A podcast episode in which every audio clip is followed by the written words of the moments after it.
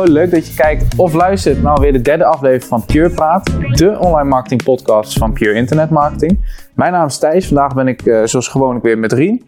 Uh, en we hebben uh, weer een gast, Theo, marketing manager bij Beslist. Theo, stel jezelf heel even kort voor voor, voor onze luisteraars of kijkers. Ja, dankjewel voor de korte intro vast. ja, Theo Lentjes, reeds 15 jaar werkzaam in de wereld van e-commerce en digital marketing. En momenteel inderdaad als uh, Digital Innovation Manager bij, bij Beslist. Mooie uitdagende taak. voor een mooi platform met een groot aantal bezoekers. elke, elke, dag, elke dag weer.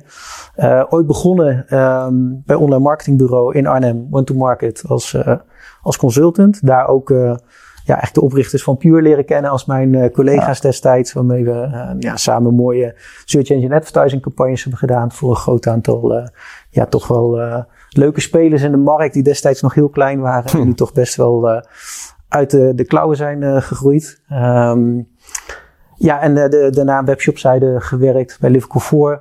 Uh, ook van alles gedaan rondom digital marketing. Ook uh, aansturing nog van front- en back-end developers. Eigen CMS ontwikkeld. Heel veel leuke dingen in de loop van de jaren gedaan. Dus ook echt een markt ontwikkelen. En over een aantal weken ga ik zelfs weer een nieuwe uitdaging aan bij Kramp. Waar ik verantwoordelijk zal worden voor de uh, ja, international e-commerce. Ook geen kleine speler. Uh, nee, we hebben een zwaar gewicht in huis. nou, ja, dat valt wel mee. Ik denk vooral een hobbyist die, die het vak heel leuk vindt en daarin uh, ja, zijn weg vindt in de loop der jaren. Ja. Dat is het belangrijkste, toch? Uh, zoals gewoonlijk hebben we ook een stelling bij, bij Pure Praat. We gaan het uh, vandaag hebben over nou, prijsvergelijking. Wat beslist heb je natuurlijk ook een uh, heel verhaal over. En de stelling die we bedacht hebben is eigenlijk Google die neemt de rol van prijsvergelijken eigenlijk over. Ja. met Google Shopping en het behoud van de gebruiker in de, in de zoekmachine. Al benieuwd hoe jij daar tegenaan kijkt. Ja, nou, absoluut. Ik denk dat dat ook een uh, strategische route is die Google al ja, de nodige jaren geleden is, uh, is gaan bewandelen. Eigenlijk met de introductie van Google Shopping, wat natuurlijk de interne prijsvergelijker is uh, binnen Google. Ja. ja. zijn ze daar eigenlijk mee gestart. En dat is ook destijds wel, heeft dat veel impact gehad eigenlijk op alle prijsvergelijkers binnen, ja, in Nederland, maar Europees en, en wereldwijd. Uh, dat is ook niet zonder uh, slag of stoot gegaan. En natuurlijk in uh, de loop van de jaren is er ook flink geprocedeerd. Beste boetes uitgeschreven. Beste ja, boetes uitgeschreven. En dat is al een heel langdurig traject. Google heeft in de tussentijd natuurlijk wel van alles geprobeerd. Ook met zijn CSS-programma. waar beslist ook onderdeel van is natuurlijk. Um, maar goed, uh, het is nog steeds niet valide. Uh, heeft echt het hoogste hof onlangs besloten. En ja, dus de vraag is ook wat de, wat de volgende stap van Google zal zijn. In Europa in ieder geval.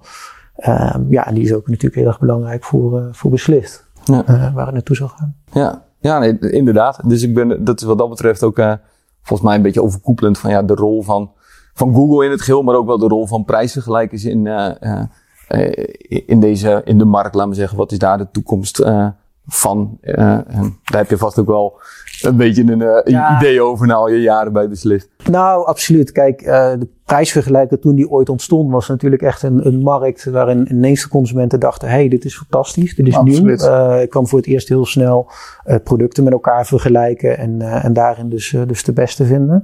Maar ja, je ziet wel dat die markt natuurlijk in de loop van de jaren ook veel volwassener is geworden. Beslist was ooit een van de eerste met kieskeurig, vergelijk.nl en een andere spectrum heb je natuurlijk ook tweakers. Ja. natuurlijk heel ja. erg niche en heel erg ver in de diepte gaat voor een speciale uh, productgroepen. Ik denk dat dat een deel van de toekomst is. Dus echt een expert zijn in een bepaald onderdeel. Ja. En daar een heel vaste crowd rondomheen uh, realiseren. Um, Beslist heeft een iets andere positionering daarbinnen. Um, wij zijn zelf vooral heel sterk in de doelgroep 40 plus. Um, en uh, de mensen van daaruit bediening richting uh, de juiste, juiste webshop, die voelen zich heel erg vertrouwd bij Beslist en uh, de wijze ja. waarop het is, is opgebouwd. Grappig. Zou ik dan op voorhand van tevoren al Thijs en ik erover en toen dachten van ja, wie gebruiken dan beslist.nl? Ik heb zelf denk nauwelijks uh, gebruik gemaakt van beslist. Wel nog wel van bijvoorbeeld prijsvergelijkers die dan over energie of misschien wel uh, internetaanbiedingen en dat soort prijsvergelijkingen. Ja. Nooit echt de beslist, maar dat ik ben trouwens bijna 40. Nee, ik ben nog uh, geen 40. Maar uh, de, bijna de doelgroep. Ja, de doelgroep al bijna. Maar ja. het is best wel een oude doelgroep. Dus, uh, of een oude gebruikersgroep. Ja, dat is zeker een oude gebruikersgroep. En ik denk ook wel interessant wat je zegt. Van, nou, ik gebruik het zelf eigenlijk nooit. Kijk, wij zijn natuurlijk uh, nou ja, digital natives. We zitten, we zitten heel ver in, in de ontwikkeling rondom ja. wat, uh, wat we digitaal gewend zijn. En ik denk, of in ieder geval naar mijn eigen gedrag kijkende, is dat als ik op zoek ben naar een product, is, uh, ben ik vooral op zoek naar wat meer informatie achter dat product. En vooral dan in diepte dat kunnen vergelijken uh, en van daaruit de juiste keuze te maken. Dan zoek je vaak ook wel een beetje de experts die je daarbij verwacht. Nou, voor Coolblue-achtige heb je dat natuurlijk wel. Uh, maar inderdaad ook tweakers. ja, je zit er gewoon net wat anders in. Waar, daar waar beslist uh, een, een, heel diep assortiment heeft met heel veel verschillende producten. Zo, ja. Maar waar je ja, op een net wat andere manier doorheen gaat. Ja. Um, en voor die doelgroep is dat um, momenteel, ja, dus zoals wij het zien, nog, uh, nog prettiger. De vraag is, die, die, hoe ontwikkelen die zich? En kan beslist daar ook in, in mee blijven gaan ja. in, de, in de wensen die, uh, die die doelgroep op termijn gaat krijgen. Ja, ik denk dat het ook een stukje te maken heeft met het inderdaad vertrouwen, wat je net zei. En dat is misschien wel de reden dat startpagina.nl bijvoorbeeld ook nog bestaat. Ja. Dat is natuurlijk ook zo'n zo'n wereld van, van ja, eigenlijk ik en denk iedereen hier die werkt, of misschien wel luistert, niet meer gebruikt. Nee. Want je gebruikt Google om ja. dingen te zoeken. En uh, dat was vroeger misschien wat moeilijk, maar nu zijn ze zo ver in, uh, in het indexeren en alles van, uh, van internet pakken. En ja, Beslis heeft natuurlijk ook eerst die rol op zich genomen van hey, wij selecteren de producten die we hebben. Um, en vanuit daar ga je, ga je eigenlijk een beetje zoeken. Of, of zie ik dat verkeerd? Is dat een beetje hetzelfde als startpagina? Of nou, ik, ik denk dat je het vooral moet zien dan de, de mensen die beslist weten te vinden, vinden hem bijna eigenlijk altijd via de zoekmachine. En ja. uh, beslist is denk ik, dat is ook de grote kracht van, uh, van beslist. Die, die extreme focus op de vindbaarheid in Google. Uh, nou, dat zie je wel aan de SEO-posities die we ook innemen, maar dat zie je ook wel in hoe wij uh, de digital marketing campagnes hebben ingericht. Dat is dat we heel breed vindbaar zijn in, um, in, in de zoekmachine. Um, ja, en, en dat de doelgroep die eigenlijk aan het zoeken is, ja, eigenlijk beslist altijd wat tegenkomt. Daarbij hebben we ook nog een zetje in de rug gekregen natuurlijk door het CSS-programma, waarbij je in Google Shopping ook ja. altijd uh, beslist eigenlijk terug, uh, terug ziet komen. Terug, wat ook ja. weer goed is voor de naamsbekendheid natuurlijk. En ook de, uh, het gevoel wat mensen bij het platform krijgen als een ja, toch betrouwbare speler. Ja. Um, daarin ja, is dat wel, wel heel goed geweest. Dus ik denk, ja, beslist vooral door die enorme diepe aanwezigheid. Ik krijg gewoon heel erg veel mensen nog steeds van. En dan nog even een heel klein stapje terug te doen over beslist, laat me zeggen. Wat is uh, voor iemand die luistert of kijkt, die een webshop heeft? Of wat, wat is, laat me zeggen, voor hun, uh, als jij nu een webshop-eigenaar spreekt, ja. wat, wat zijn dan jouw redenen om aan te geven, je moet aanhaken bij een platform als beslist? Nou, kijk, je, je moet, als je kijkt naar de propositie van Beslis, is dat wij ons eigenlijk heel sterk focussen uh, op B2B, uh, nog veel meer dan, uh, dan B2C. Dus dat wij echt zeggen van oké, Beslist is een groeiversneller voor de webshop. Waarin eigenlijk als je beslist aansluit dat je dus een additioneel kanaal moet zien. Buiten Google. wat natuurlijk een webshop vaak ook gewend is, is om ook wel in dezelfde pool aan klanten te blijven zitten. Ja. In zijn digital marketing kanalen die ze, die ze eigenlijk hebben ingezet. Maar dat vaak het stukje acquisitie, uh, dat ze daar vaak ook wel weer andere platformen voor nodig hebben. Nou, wat, wat wij heel sterk zien is dat beslist, met name voor zowel volwassen spelers en ook wel voor de nieuwe spelers, uh, ja, vooral heel veel nieuwe klanten aan, uh, aan zich weten te binden op die manier. En dat klopt ook wel. Uh, met het verhaal wat ik eerder zei, met die oudere doelgroep. Ja. Die vaak nog wat minder in die pools zitten. en op die manier worden benaderd. En dus via beslist daar wel terechtkomen. Ah. We hebben onze eigen propositie in de loop van de jaren ook wel veranderd. Um, het verleden was het moeilijk om door te meten van ja, als, als iemand op beslist komt, wat levert die nu werkelijk ja, op? wat is de toegevoegde waarde van... Dat ja. weet je nooit. Nee, is een dat- soort zwart gat. Of, uh, Ja, dat, was, ja, dat was heel lang een zwart gat. En uh, nou, we hebben eigenlijk een, een, jaar of drie geleden gezegd van joh, hoe kunnen we dat toch voor elkaar gaan krijgen? Dat we daar toch zicht op gingen krijgen.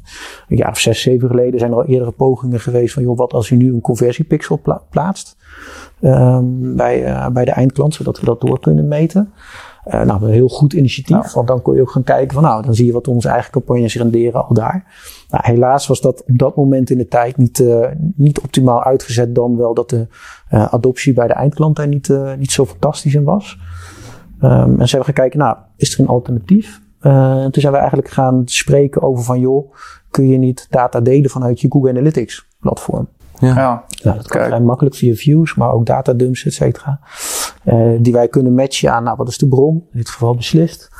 Ehm, en kunnen we zo echt gaan kijken, joh, wat doen nu de campagnes die wij hebben draaien? Delen van data. Ja. En delen van data. En want hoe kunnen wij nu zorgen dat, dat we dus voor jou eh daadwerkelijk goede klant binnenhalen? Nou, daarmee gestart te zijn.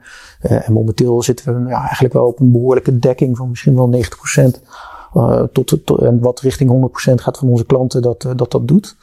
Eh, waardoor wij in staat zijn om gewoon, net zoals Google, ROAS-afspraken te maken. Ja. En uh, nou, eigenlijk die combinatie wat je ziet van, nou, je hebt en een ROAS-afspraak uh, met een partij. En daarnaast weet je van, nou, je krijgt relatief veel nieuwe klanten. Ja, zien we gewoon dat beslist qua propositie richting de webshop in ieder geval de afgelopen jaren wel een stuk sterker is geworden. Ja. Waarin het verleden gewoon was van, nou ja, je hebt beslist. Je weet in ieder geval dat je een bak treffer krijgt. En ja, dan is even de vraag Ja. of die in de ene maand kan die een heel stuk beter zijn dan in de andere maand. Ja. Dat is maar net even hoe de wind, eh, hoe de wind waait. Ehm, ja, daar hebben we gewoon veel meer stabiliteit in kunnen krijgen. Dus eh, ik denk voor webshop interessant altijd. En, en die data komt dan bij jullie binnen? Of komt die, laten we zeggen, stel ik ben produ- producent eh, X, ik heb een webshop en, of ik, ik zet mijn product op beslist, maar ze worden bij, bij een webshop verkocht. Komt die data dan van waar uiteindelijk de, de eh, verkoop, komt die bij mij binnen? Of is dat iets wat dan vanuit beslist als rapportage komt? Zo van, nou, vanuit onze campagnes eh, zijn zoveel verkopen gerealiseerd. Eh, en hebben we dus de ROAS van, weet ik veel, 400, 500 gehaald of iets in die richting. Nou, kijk, op het moment dat wij een. wij meten feitelijk transacties bij de eindklant. Die krijgen we binnen op ons platform. En die kunnen wij herleiden aan uit welke campagne die is gekomen. Ja, op het moment dat wij weten van. Nou, er is een bepaalde afspraak. Eh, dat je eh, nou, bijvoorbeeld een hele scherpe ROAS in gaat zetten. Nou, dan kunnen wij binnen ons algoritme natuurlijk het nodig doen dat je daar net wat extra ruimte gaat krijgen. Ja. Ehm, en daarnaast is dat eigenlijk dan ook direct gerelateerd aan van, oh ja, Google ziet dan ook een klik op een product als deze levert ons, eh, levert Google meer op. Dus wij kunnen er ook voor zorgen dat dan dus voor die klant uiteindelijk dus ook meer traffic vanuit Google daar terecht gaat komen. Ehm, en natuurlijk, het is, eh, ook Google blijft een black box en binnen beslist weten we heel veel al wel te, te tunen en tweaken, maar niemand is perfect. Maar we zien heel erg sterk dat, eh, ja, dat, dat die relatie er wel heel sterk aan het ontstaan is. Dus een scherpere ROAS betekent ook dat we meer volume kunnen, kunnen realiseren. Met name in de inkoop via de digital marketing. Ja. Ja. ja, wat ik wel interessant vind is inderdaad het, het, het, eh, het vis in je eigen water eigenlijk. En dat je nou, een heel andere pool bereikt. En nou ja, spelers als Bol en Amazon, als je daar aansluit, heb je dat eigenlijk ook eh, dergelijke zaken. Dat is met prijsvergelijking natuurlijk wel... eh, tenminste, als ik prijs ga vergelijken, ga je altijd op zoek een beetje naar de goedkoopste. Of, Ja. eh, En st- stel ik zou een webshop-eigenaar zijn die niet prijs als USP heeft, is het dan alsnog interessant om, in die, om, de- om dat- toch dat verkeer te hebben en toch zichtbaar te zijn? Of, of doe je dan eigenlijk niet mee? Omdat sommige of concurrenten die wel prijs als USP hebben, die de goedkoopste zijn, eh, dat die winnen in, eh, op een platform als beslist. Of in shopping of dergelijke zaken. Ja, er is natuurlijk heel sterk een, sowieso een algemene relatie tussen van en de laagste prijs en je zichtbaarheid in Google Shopping. Ja. Eh, nou ja, iedereen past ook zijn campagnes vaak aan van, oh, hey, dit is een topproduct. En vaak heeft dat te maken van, nou, zit onder de prijsbenchmark, is een mooie prijs, dus die gaan we in een ander bakje stoppen. Want ook hogere CTA bij, eh, bij Google. Eh, wat je, we- bij beslist eigenlijk een onderscheid. Je hebt de zogenaamde matching categorieën en non-matching categorieën. Wat heel erg zien bij matching categorieën, ja, dat moet je eigenlijk zien als producten met een stekker. Eh, ja, daar is prijs natuurlijk heel erg belangrijk. Dus Ja. daarin is het voor beslist ook belangrijk dat wij eh, producten van spelers hebben met een hele lage prijs. Zodat mensen wel weten, eh, ja, als je beslist komt, dan krijg je sowieso die De lage- beste prijs, ja. De beste prijs Ja, in beeld. Want ja, dat, dat zit daar gewoon, gewoon allemaal in. Dan moet ik zeggen dat we voor matching dat ook heel goed op orde hebben. Ehm, als je kijkt naar die non-matching categorieën, dat is natuurlijk een heel ander spel. Neem bijvoorbeeld kleding of woonaccessoires. Eh, ehm, maar ook ja, speelgoed in iets mindere mate. Maar echt, echt dat soort type categorieën. ehm, ja, daar is, dan minder, is dat minder belangrijk. Ja. Er gelden weer heel veel andere eh, wetten en normen. Ehm, als je intern kijkt naar beslist, ook category management teams. Een, eh, een van de, ons grootste teams is fashion. Daarna home and living. En daarna komen eigenlijk alle matching categorieën waar ik, eh, waar ik het over had. Dus wij zien ook dat we juist daarin heel onderscheidend zijn. En dat is ook wel, ook wel logisch gezien als je kijkt naar bijvoorbeeld een tweakers. Die zijn perfect in matching. Dus laat me zeggen, al die producten helemaal tot in detail uitgedacht. Ja. Maar er zijn niet zoveel platformen die de rest eh, op die manier doen. Ja, daar is voor ons de uitdaging in om daarin ja, echt veel meer audience-gericht te gaan kijken van, ja, deze bezoeker die nu binnenkomt, herkennen we die? En wat voor productselecties binnen kleding of home and living moeten we die nu gaan uh, voorschotelen? Dat is wel de uitdaging. Maar persoonlijk, uh, persoonlijk maken van. Ja, het persoonlijk maken van. En uh, ja, volgens mij iedereen praat vaak over ja, personaliseren en je hoort de mooiste use cases. Maar uh, 100% zekerheid is gewoon heel moeilijk. Om dat gewoon echt heel goed te gaan doen. Ja. Pagina's goed ervoor in te gaan richten. En daarnaast ook uh, je site gewoon uh, super snel te houden. Want het is allemaal heel leuk, al die personalisatie toolings, maar het is niet zo fantastisch vaak voor je page speed. En ja, waar je enerzijds wat denkt te winnen, ben je aan de andere kant je SEO-traffic aan het weggooien. Dus ja, ja dat is ja. ook wel een balans die, uh, ja, die wel in de gaten moet houden. Ja. ja, toch die goede ervaring. Dat, uh, bedoel, uh, dat met de Core Web Vitals. Het, het, het is wel iets wat natuurlijk ook heel belangrijk is. Dus daar is het ook. En wat ik ook interessant vind, is dat het nu met Google Analytics heb je natuurlijk die. Uh, toch van soort van data in je eigen hand. En met pixels, waar je eerder geprobeerd hebt, zie je toch weer met ja, die pixels en cookies en privacy. En het is toch weer ook weer iets wat in de toekomst ook weer een rol gaat spelen. En wat ik ook wel heel interessant vind, is van, ja, hoe gaat dat uiteindelijk? En misschien is dan wel weer geluk dat die pixels niet helemaal geluk zijn dan. Ja, ik denk dat het misschien wel een geluk bij een ongeluk is. Want ja. uh, uiteindelijk als partij wil je ook af van al die pixels en al die tracking. Ja. En, uh, dus, dus dat was uiteindelijk toch een niet echt haalbare kaart geweest. Terwijl uh, een Google Analytics integratie, ja, die heeft eigenlijk vrijwel iedereen. Uh, een aantal spelers niet, maar goed, dan zoek je wel naar custom oplossingen. Ja. Dus dat is uh, ja, of wordt uh, Google Analytics verboden. Dat was volgens mij vorige week best wel. In Oostenrijk? Ja, in Oostenrijk ja. is het verboden. En, ja, goed. Ik ben benieuwd, er zal vast wat op verzonnen worden. Dus. Ja, dat, dat zie je toch ook, ook, ook wel toen die uh, eerste cookie pop-ups komen. Nou ja, iedereen rolde over elkaar heen van het einde van digital marketing en online advertising. Nou ja, uiteindelijk zie je ook wel dat er uh, altijd wel weer slimme dingen worden bedacht. Ja. En uh, first party tracking en dat soort zaken. Dat uiteindelijk ook allemaal wel goed komt. Dus, Ik, jij zei net, of in ieder geval had het ook over... Um, ik vind het zelf interessant, met al jouw ervaring, laat me zeggen, stel jij zou nou een webshop beginnen. Ja. En je hebt natuurlijk niet oneindig budget om elk kanaal uh, uh, te gebruiken om verkeer naar binnen te halen. Wat voor, zou je dan, uh, wat zou je dan mensen adviseren? Zou je dan toch sneller naar een beslist? Ik snap dat je nu ook in de hoedanigheid van beslist hier nog zit, dus een beetje preken voor eigen, voor eigen parochie. Maar, of zou je zelf traffic gaan inkopen met Google? Of zou je, snap je, ik ben wel een beetje benieuwd van, hoe belangrijk zou je het maken, laten we zeggen, voor iemand die nu gewoon ze meer, meer wil verkopen. Is dat dan de meest logische stap volgens jou? Of zijn er andere? Ja, de, de vraag is natuurlijk in welke fase zit je. Ik zou sowieso een uitdaging vinden als je nu als speler gewoon echt met een webshop start. In een, uh, ja, het is toch een red, o red ocean, laat maar zeggen. In, in ja. de innovatie uh, methodieken te denken. Dus je stapt niet in iets nieuws waarin je denkt van, nou hey, hier kan ik nog wel op heel veel plekken wat winnen. Ja, maar wat, is, wat zijn nu groeiplatforms zonder dat je gigantische investeringen hoeft te doen? Ja, dan ga je toch snel kijken van ja, misschien moet ik wel unieke niche producten verzinnen die ik alleen op marketplaces ga wegzetten. Ja. En uh, daarnaast gebruik ik mijn webshop uh, misschien vooral als brandingplatform zonder dat ik heel hard in advertising ga. Ja, je, je kan je, je wagonnetje aanhaken bij de Amazons van deze wereld bijvoorbeeld. Ja, ja. precies. De Amazons, uh, nou ja, de bol.coms uh, beslist ook, maar ook allerhande niche spelers die daar verder nog in zitten. En je ziet natuurlijk ook al die grote partijen die ook gewoon al die platforms beginnen. Ik bedoel, Zalando heeft het ook, Fonk heeft het ook. Ja, ik zou zelf eerder denken, maak een uniek product. En kijk of je die weg kan zetten. En dat unieke product, probeer dat te vermarkten met je webshop. Ja. Maar ga niet mee in dat hele speelveld. Want voor je het weet zijn je budgetten op en heb je eigenlijk niks gerealiseerd. Ja. Uh, dus ik, ik, weet niet of ik daar heel snel mee aan de gang zou gaan. Nee. Nou, veel interessant. En, en, en afspraken die jullie maken met uh, klanten, want je had het over ROAS afspraken. En dat je vanuit beslist vaak een nieuwe pool met klanten ziet.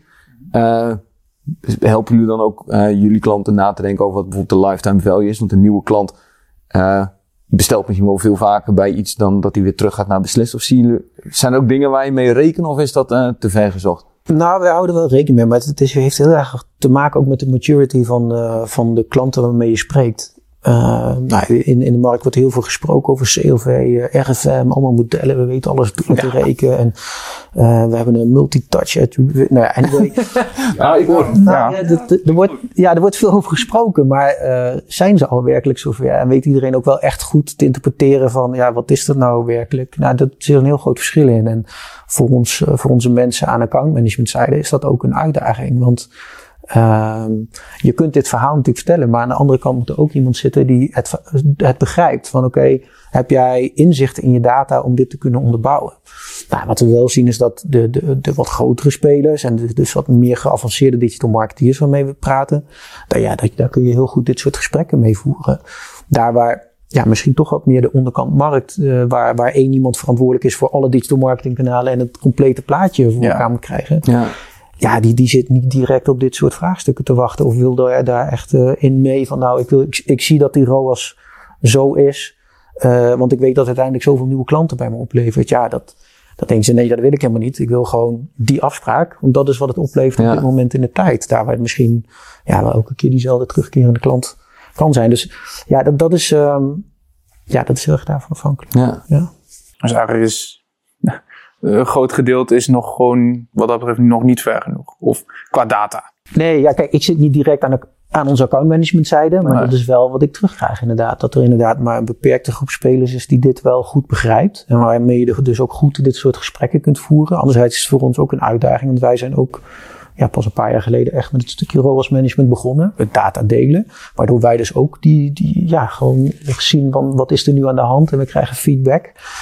Uh, ja, weten we dit ook gewoon veel beter. Maar tegelijkertijd is het ook wel heel belangrijk dat je daarin het voortouw, denk ik, blijft nemen. Want uh, als je goede afspraken maakt dat iets winstgevend is, dan gaan mensen ook niet twijfelen aan, moet ik wel beslist staan.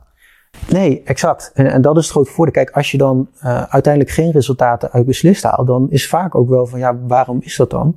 En heel vaak zie je dan dat het productaanbod nou ja, op een, in een categorie staat met hele competitieve spelers. En waarin je zelf eigenlijk gewoon niet mee kunt met het type producten wat je aanbiedt. Ja.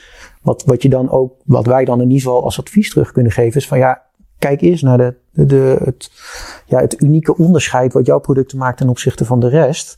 Omdat ook als je met een andere partij in zee zal gaan, met Google of wie dan ook, zul je tegen dezezelfde dingen aanlopen. Daar waar we zien van nou, die volume en ROAS is eigenlijk altijd wel op orde als je productaanbod gewoon oké okay ja. is. Dus eigenlijk de, de, producten die je net aan het begin zei van met de stekker. Mm -hmm. uh, als je daar niet de juiste prijs hebt, is misschien in zijn algemeenheid wel iets met je aan de hand, laten we zeggen. Ja. Dan maakt het niet uit welk kanaal je uh, gaat oppakken, want ja, je komt wees er niet. eerlijk. Nee. Ja, wees eerlijk. Dat is Ja. niet, uh, je, je bent daarin niet onderscheidend. En dus voor ons voor, als beslist ook wel. Wij moeten ook onderscheid maken van welke klanten gaan wij nu heel veel tijd aan besteden. En welke zeg, moet je gewoon zeggen, ja jongens, Sorry, het aanbod ja. kunnen we gewoon niks mee. Ja. Dus ja, we kunnen jullie aansluiten, maar we kunnen geen resultaten beloven. Dat gaat gewoon niet lukken. Ik herken dat ook wel van soms gesprekken die ik in het verleden heb gevoerd. Dat, ja, wat is dan je USP? Zit heel erg op containerbegrippen, noem ik het altijd. En service en uh, uh, goed, uh, iedereen heeft service, laten we zeggen. Ja, we hebben MVO en we hebben, er is niemand die zegt we hebben een slechte service. Maar daar maak je het verschil, is gewoon veel minder, aan de voorkant veel minder inzichtelijk. De Ja. prijs is heel hard. Ja. Als jij twee tientjes meer moet betalen, maar iemand heeft een betere service, ja. Je zegt me dat dat zo is. Nee, daarom. Ja, en, en ja, precies. En eh, waar, waar natuurlijk wel service echt altijd onderscheidend is. Ja, Coolblue is natuurlijk het schoolvoorbeeld ervan. Ja, dat waarin je heel snel zegt van, nou ja, weet je, het is tientje extra. Maar ja, ze- die jongens die, uh, ja, dit is altijd goed. Ja. En, uh, dit is, Die mijn wasmachine naar boven tillen. Ik bedoel, uh, ja, ja. daar ben je dan toch wel weer gevoelig voor. Ja. Dat is toch wel weer lekker. Uh, maar het geldt niet altijd hoor. Inderdaad, als webshop, als je service belooft en onderscheidend bent, is dan maar de vraag of de consument dat ook zo percipieert. Of dat hij gewoon denkt, ja, het zal wel. En nee, je bent echt niet waard. Ja. Dus je moet wel, ja, in dat geval wel goed nadenken over kun je dat ook waarmaken en gelooft de consument dat Ja. dat, dat zo is. En zie je dan ook een heel groot belang in uh, reviews die op de site staan? Ja, nee, absoluut. Kijk, de reviews blijven natuurlijk een, uh, een belangrijk element. Alleen daarin is ook, naarmate je volwassener wordt in je, in je, je digital gebruik, ga je ook steeds meer door die reviews heen lezen van ja, hoe waardevol zijn ze nou werkelijk en zijn ze ook echt? Dus ik denk ook wel van de wijze waarop reviews worden neergezet wordt ook steeds belangrijker. Kijk, je, je hebt dat oude Trustpilot voor, uh, voor, en dan kan je van alles opzetten. Maar je ziet tegenwoordig ook, nou, dat doen de Coolblues en de Bols natuurlijk heel goed. Gewoon plussen, minnen, wat vind je wel goed, wat vind je niet goed. Ja.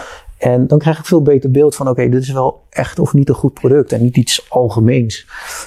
Ik denk als jij een redelijk betrouwbare grote webshop bent, dan denken ze ook wel die service zal wel oké okay zijn. Maar ik wil gewoon even weten van het product. Is dat ja. nou echt goed? Dat moet ik weten. Ja, en, en wat, wat ik heel fascinerend vind, iedereen vindt reviews belangrijk, tenminste als consument. Je leest ze graag. Ja. Maar toch, zelf schrijf ik maar nauwelijks eigenlijk een review. En als, als het vaak een review is, nou, er zijn wel meerdere die daar ook over denken, is dat omdat het slecht was. Ja. Tenminste, dan doe je het eerder, want dan heb je iets om over te klagen. Of en als het goed is, ja, oké, als nou, het was prima, maar ja, zelf een review achterlaten doe ik zelf ook niet. Maar dat is misschien ook iets wat de consument zich doet. Maar ja, toch vindt iedereen dat heel belangrijk. Oh ja, de reviews zijn slecht, oh, dan koop ik het product niet. Nee. Ja, het, het is meer een soort basisvoorwaarde om het product te Ja. kunnen verkopen. Het moet gewoon op orde zijn. En het verkrijgen van reviews is natuurlijk ook wel weer een hele kunst. Ik denk dat als je een echte review wil, heb je, is het ook belangrijk haast dat je persoonlijk contact hebt gehad. Zeker vanuit een servicepartij of zo, als jij eh, iemand bent, eh, een installateur of wat dan ook. Ja, Ja, dan, dan heb je echt misschien wel contact met iemand gehad. En als je dan zegt van, joh, hey, het is heel leuk, zou je van mij een review achter willen laten? Dat kan me echt verder helpen. Ja, dan krijg je ook oprechte reviews terug. Terwijl, ja, als jij gewoon een standaard eh, speler bent en je gaat de hele dag maar pompen, hey, kan je een review en je krijgt 100 euro. Ja, hoe goed, hoe echt zijn die reviews en hoe goed gaan mensen er uiteindelijk doorheen lezen? Ja, ik, ik ben geen specialist op reviewvlak. maar In ieder geval, eh, ja, dat eh, ben ik wel benieuwd naar, ja, hoe, hoe mensen daar nou echt naar kijken. Ja, en het is ook wel interessant, want we moeten het al een beetje over hebben. En, eh, ik zag laatst een keer een, een, een, een rapportje van Google over, wat was het, eind 2020 of begin 2021 over e-commerce trends. En volgens mij is laatst ook eentje met corona uitgekomen, wat de pandemie heeft gedaan. Maar daar was een heel interessant grafiekje dat eh, het, het, het aantal zoekvolume met beste of best steeds harder aan het stijgen is en goedkoopste eigenlijk een beetje aan het afdalen is. Ja, En dat is, vind ik, een hele interessante ontwikkeling. Ook met prijsvergelijken en ja, hoe, hoe kun je daarop inspelen. En, ehm, Wat jij bedoelt, is prijs dan nog wel belangrijk? ja, ja, hoe belangrijk is het inderdaad? ja. Ja. En het gaat niet meer om de informatievoorziening. Want iemand die een prijs vergelijkt is toch in een oriënterende fase, in de beginfase van de customer journey. Ik bedoel, als je een aankoop hebt gedaan, ga je niet meer nog een keer een prijs vergelijken. Dus er zijn altijd Ja. mensen die op zoek zijn. En ja, verandert dat dan? Is dat veranderd door de jaren heen? Door internet, door wat we hebben en welke rol heeft Google daarin? Ja, het is wel heel interessant inderdaad. Van wat kan er nou achterliggend zijn dat dat is veranderd? Ja, het is in ieder geval het consumentengedrag wat je Ja. ziet. Misschien heeft het ook wel te maken dat de consument voor meer type producten, maar vooral ook voor services, voor diensten, veel meer het internet eh, op is gegaan. Dus een loodgieter in het verleden zocht je misschien minder. Zoek je nu Wel meer en dan wil je de beste loodgieter hebben. Eh, en producten is al wat gebruikelijker, denk ik, om altijd maar het internet te pakken en te zoeken van, nou, daar heb ik in ieder geval de goedkoopste. Oh ja, die moet ik hebben. Dus misschien dat daar ook wel een relatie zit. Ehm, ja, anderzijds is misschien nu ook doordat ja, meer kennis wordt gedeeld rondom producten, eh, meer informatievoorziening, dat je dus ook beter het beste product eruit kunt filteren. Je hebt meer advieswijzers ook tegenwoordig op websites. Dus misschien dat de consument er ook een beetje in wordt opgevoed.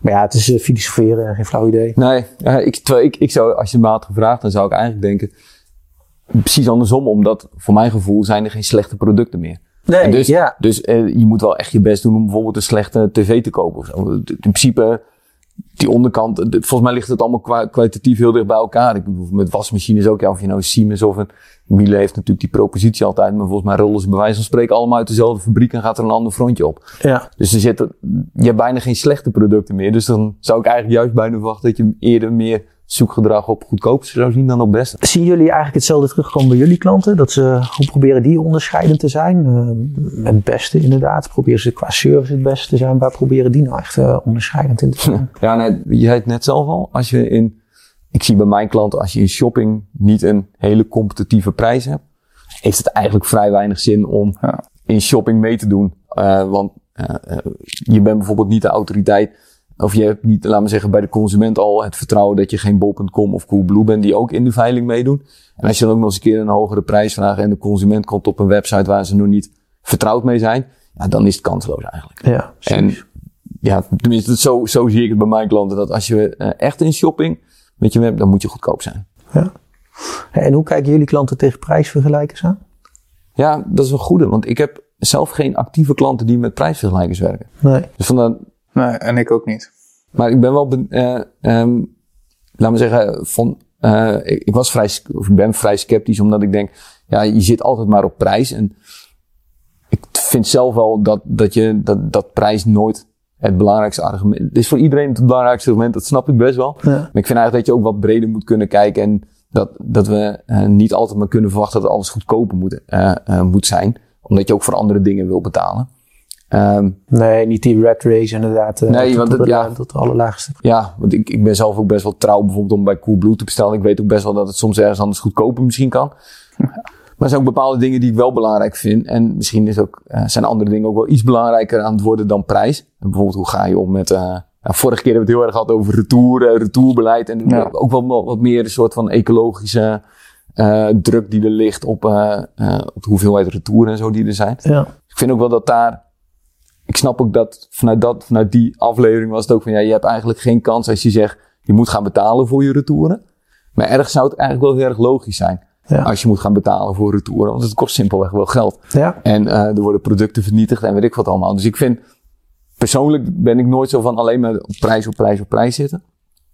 Ehm, maar eh, jij gaf wel weer handvatten terug qua ROAS, et cetera, waardoor je wel op een ander model zit, waardoor het denk ik best wel haalbaar kan zijn voor onze klanten om ook toch naar een vergelijkingssite te kijken. Ja. Maar dat, ja. Ja, en we doen nu natuurlijk veel met, eh, met Google, met Google Shopping ook. Eh, en een stelling was ook wel van, hey, Google gaat die rol van prijsvergelijking overnemen. Ehm, nou, als we kijken naar de toekomst van prijsvergelijking, eh, is, is het dan dat meer die adviserende rol in gaan spelen? Of Nou, eh, informatievoorziening? Of eh, echt, eh, nou, misschien de tweakers ook wel doet, of de reviews, of de video's, of eh, dergelijke zaken? Of, ehm, gaat Google het overnemen? Of Ja, het is inderdaad eh, meer. We, moeten sowieso afwachten waar naartoe gaat met Google Shopping. Inderdaad Ja, ook eh, ja. de, de nieuwe route die zij zullen gaan bewandelen. Maar het is ook inderdaad voor het eigen platform. Hoe blijf je onderscheidend? Nou, weet je ook al net zei van, hey, je ziet steeds meer beste ten opzichte van goedkoopste verschijnen. Ja. Dus je ziet ook het zoekgedrag eh, veranderen. Ehm, ik denk dat, dat het prijsvergelijkers aan zich dus ook na moeten gaan denken van, nou ja, richting de toekomst, hoe blijven we onderscheidend? Nou, dat kan door inderdaad veel meer een adviserende rol in te gaan nemen. Ja. Je hebt natuurlijk een gigantische hoeveelheid producten waar je heel veel van weet. Ja. Eh, en waarin je dus de consument ook van extra informatie kan voorzien. En bovendien kun je een onafhankelijke rol innemen. Want je kent van al die verschillende partijen, ken je natuurlijk de voor- en nadelen. ja. Eh, en van die verschillende partijen weet je van, nou, die hebben hetzelfde product, maar er zitten voor- en nadelen aan de diverse partijen die het product aanbieden. Eh, ik, ik denk dat daar een stukje toekomst ligt. Van oké, men gaat naar beslist van oké, er zijn heel veel partijen die ditzelfde product aanbieden. Ja. Eh, naast prijs, op welke elementen zouden wij ze kunnen adviseren om voor een bepaalde partij te kiezen. Dus ik denk dat je en eh onderscheidend kunt zijn door een onafhankelijke rol in te nemen, door productdiepte en assortiment. Eh, en door daarin eh, adviserend te zijn. Dat eh, mensen ja toch beslist als, eh en prijsvergelijkers op zich, als Ja. vertrekpunt eh, eh, kunnen nemen, omdat Google eh, biedt dat natuurlijk niet. ja. En jullie model is denk ik ook iets duurder. Tenminste, ik, ik zit niet helemaal heel diep in, eh, in alle prijsgelijkers. Maar wat ik wel eens las was dat ook de independents van deze wereld... zijn natuurlijk best wel een hoge eh, vergoeding krijgen van afgesloten opdrachten. Dat je denkt, dat kan eigenlijk toch helemaal niet uit met een waarde die iets tegenwoordigt. En jullie model zit echt op ROAS. Waarvan, wat dan wel veel duurzamer is. Omdat je weet, nou, zoveel geld gaat erin, zoveel geld komt eruit. Ja, exact. En daarin hebben we natuurlijk wel de, de Google-route bewandeld, die natuurlijk al eerder hebben aangevoeld van ja, Ja. je moet naar een ROAS-model toe. En Ja. binnen dat ROAS-model moet je uiteindelijk dus ook weer gaan, oké, de ROAS voor returning klanten en de ROAS voor klanten die je via acquisitie doet. Kijk, dat is de vervolgstap die erin zit, die Ja. Google aan het doen is, die beslist ook verder moet doen. En waarin denk ik ook een taak ligt voor alle agencies om ook daarin je klanten op te gaan Ja. voeden van, nou joh, kijk daar nu gewoon naar. En eh, dus ja, er liggen voldoende mooie uitdagingen en eh, ja, welke kant op zo gaan zien. Hebben we het eh, nog niet eens gehad over privacy en alles. Maar ik vind het wel interessant dat prijsvergelijken wordt dan eigenlijk... Of in de toekomst zien we het als, niet als prijsvergelijken, maar als product vergelijken. Of eigenlijk. Ja, ik denk- misschien is dat wel, eh, wel beter inderdaad. Ja, product Ja. slash dienst vergelijken. Ja, Ja. En daarin, eh, daarbinnen zijn heel veel... En die eh, onafhankelijke adviserende rol. ja, dat zou een route kunnen zijn die, eh, waar het naartoe gaat. Ja. Heel interessant. Ja, super interessant. Ik heb wel heel veel dingen, je hebt wel heel veel dingen verteld die ik, eh, waar, ik, waar, ik- waar ik niks van wist. Dus Nou, leuk. Super Ik, interessant. eh, ik, ik vond het erg leuk om, eh, om dit te doen. Dus, Ja. eh, Ja, bedankt eh, zou ik zeggen. Eh, voor degenen die gekijkt, gekeken of geluisterd hebben. Bedankt voor het luisteren. Ehm, en eh, we zien jullie de volgende keer weer. Doei.